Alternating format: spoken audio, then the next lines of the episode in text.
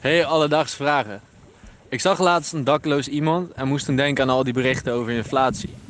Opeens vroeg ik me af, zijn er hierdoor ook meer daklozen bijgekomen? Alledaagse vragen.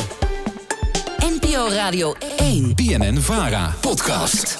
met Merel Wielaert en Aaron de Jong.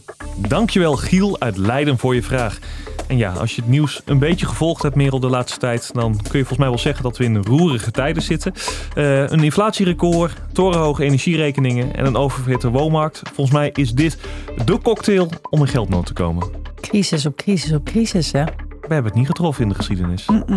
Hoe dan ook, in deze aflevering gaan we uitzoeken of het aantal daklozen ook is toegenomen. En voor een antwoord op deze vraag zocht ik eerst contact met de rekenmeesters van Nederland, het CBS. Zij komen alleen pas aan het eind van het jaar met algemene cijfers. Dus daar moeten we nog eventjes op wachten. Maar gelukkig zijn er ook andere organisaties die ons kunnen vertellen hoe het ervoor staat. Eh, zoals Valente, dat is de branchevereniging voor daklozenopvang. En zij staan in contact met ja, tal van organisaties door het land en zitten dicht op het vuur, om het zo te zeggen. En ik sprak met woordvoerder Rina En op de vraag of er een toenemende hulpvraag is bij de instanties, antwoordt zij met een volmondige ja.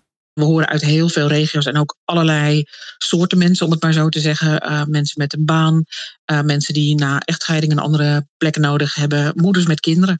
Het is echt een heel gevarieerd beeld. Rina is dus duidelijk. Vanuit het hele land ontvangt Valente signalen dat er meer en meer bij instanties wordt aangeklopt voor hulp. Maar tegelijkertijd is het voor ons daar ook heel moeilijk om precies aan te geven hoeveel mensen dit nu zijn. Dit komt omdat we ja, eigenlijk vooral nog gebruik maken van de CBS-stelling. En die is niet meer helemaal van deze tijd, zegt zij. De schatting die het CBS maakt, die, die doen ze op basis van registraties. En we weten dat uh, ja, als mensen niet binnenkomen in de opvang, om het maar zo te zien, omdat, zeggen, omdat het vol is, dan kom je niet in die registratie. Dus die registratie is eigenlijk een beetje een achterhaalde databron als het gaat om, uh, om dakloosheid. Er gaan nu via het Kansfonds twee experimenten van start om gewoon feitelijk te gaan tellen in, in twee steden. En um, ik denk dat, dat die manier van tellen, die gebruiken ze in, uh, in België ook, een veel beter inzicht geeft, omdat hij ook kijkt naar de mensen die ik net benoemde als uh, nou ja, gewoon een, beetje uh, moeilijk, moeilijk te vinden en te traceren. Je hebt natuurlijk gewoon best wel een duidelijke groep, als in je kan tellen hoeveel mensen er in een opvang zitten. Je kan een beetje tellen wie jij op straat ziet slapen. Maar je hebt natuurlijk ook best wel een grote groep mensen die misschien wel uh, nog op zo'n manier voor zichzelf kunnen zorgen dat ze in ieder geval een auto kunnen vertoeven, bijvoorbeeld. Ja, precies. En dat is nu ook de groep waar zij zich bij Valente uh, zorgen om maken. Omdat ze zien dat de hulpvraag groeit. Uh, maar het gaat dan om een best wel grote groep mensen die nog wel in bepaalde mate voor zichzelf kunnen zorgen. Een baan hebben. Een baan hebben, inderdaad, wat, wat we net hoorden. Mm -hmm. maar die komen dus, worden dus niet meteen in kaart gebracht. En dat is een probleem, want de grootte van die groep die moet niet onderschat worden. Die groep is absoluut groot. Uh, wij krijgen als, als brancheorganisatie krijgen wij gewoon ook mensen aan de lijn, hè, particuliere mensen, die zeggen van waar kan ik terecht, hoe, hoe vind ik een plekje.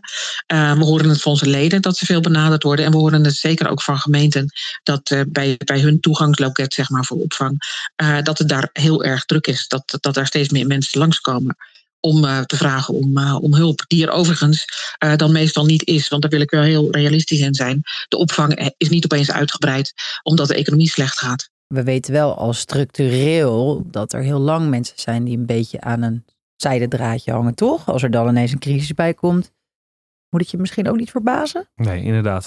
Ik denk ook zeker dat we daar nou ja, wat aan kunnen doen. En Rina zegt dat we daar in ieder geval ook wat aan kunnen doen. Bijvoorbeeld met de huurschulden van mensen.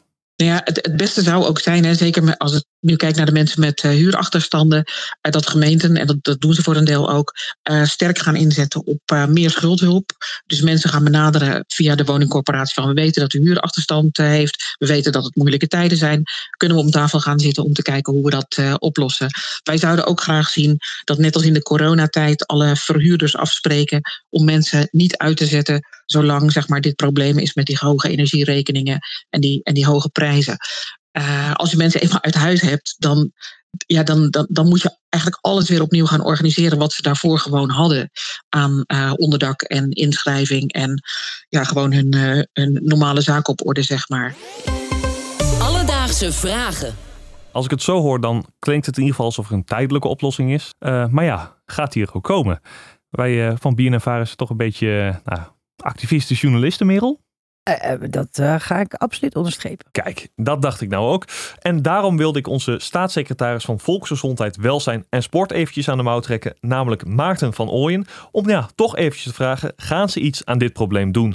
Maar helaas, hij was niet bereikbaar voor commentaar. Wel moet ik zeggen dat er onlangs nieuwe plannen zijn gepresenteerd om dakloosheid aan te pakken. Zo is het de bedoeling dat mensen die dakloos zijn zo snel mogelijk weer een eigen woning krijgen met intensieve begeleiding. En daarnaast moet er ook meer aandacht voor preventie komen. Uh, onder meer zodat die mensen ja, die al aan een zijdendraadje hangen niet in de gat belanden. We gaan het in de gaten houden, denk ik. We gaan het zeker in de gaten houden. Dus Giel, om een antwoord te geven op je vraag: is het aantal daklozen toegenomen? Nou, als we de berichten vanuit Valente mogen geloven, dan is het antwoord ja. Steeds meer mensen kloppen aan voor hulp en het wordt merkbaar drukker bij de verschillende hulporganisaties. Eind dit jaar verschijnen de officiële cijfers van CBS, maar ja, die zeggen ook niet alles, omdat er dus ook een groeiende groep daklozen is die niet officieel geregistreerd staat.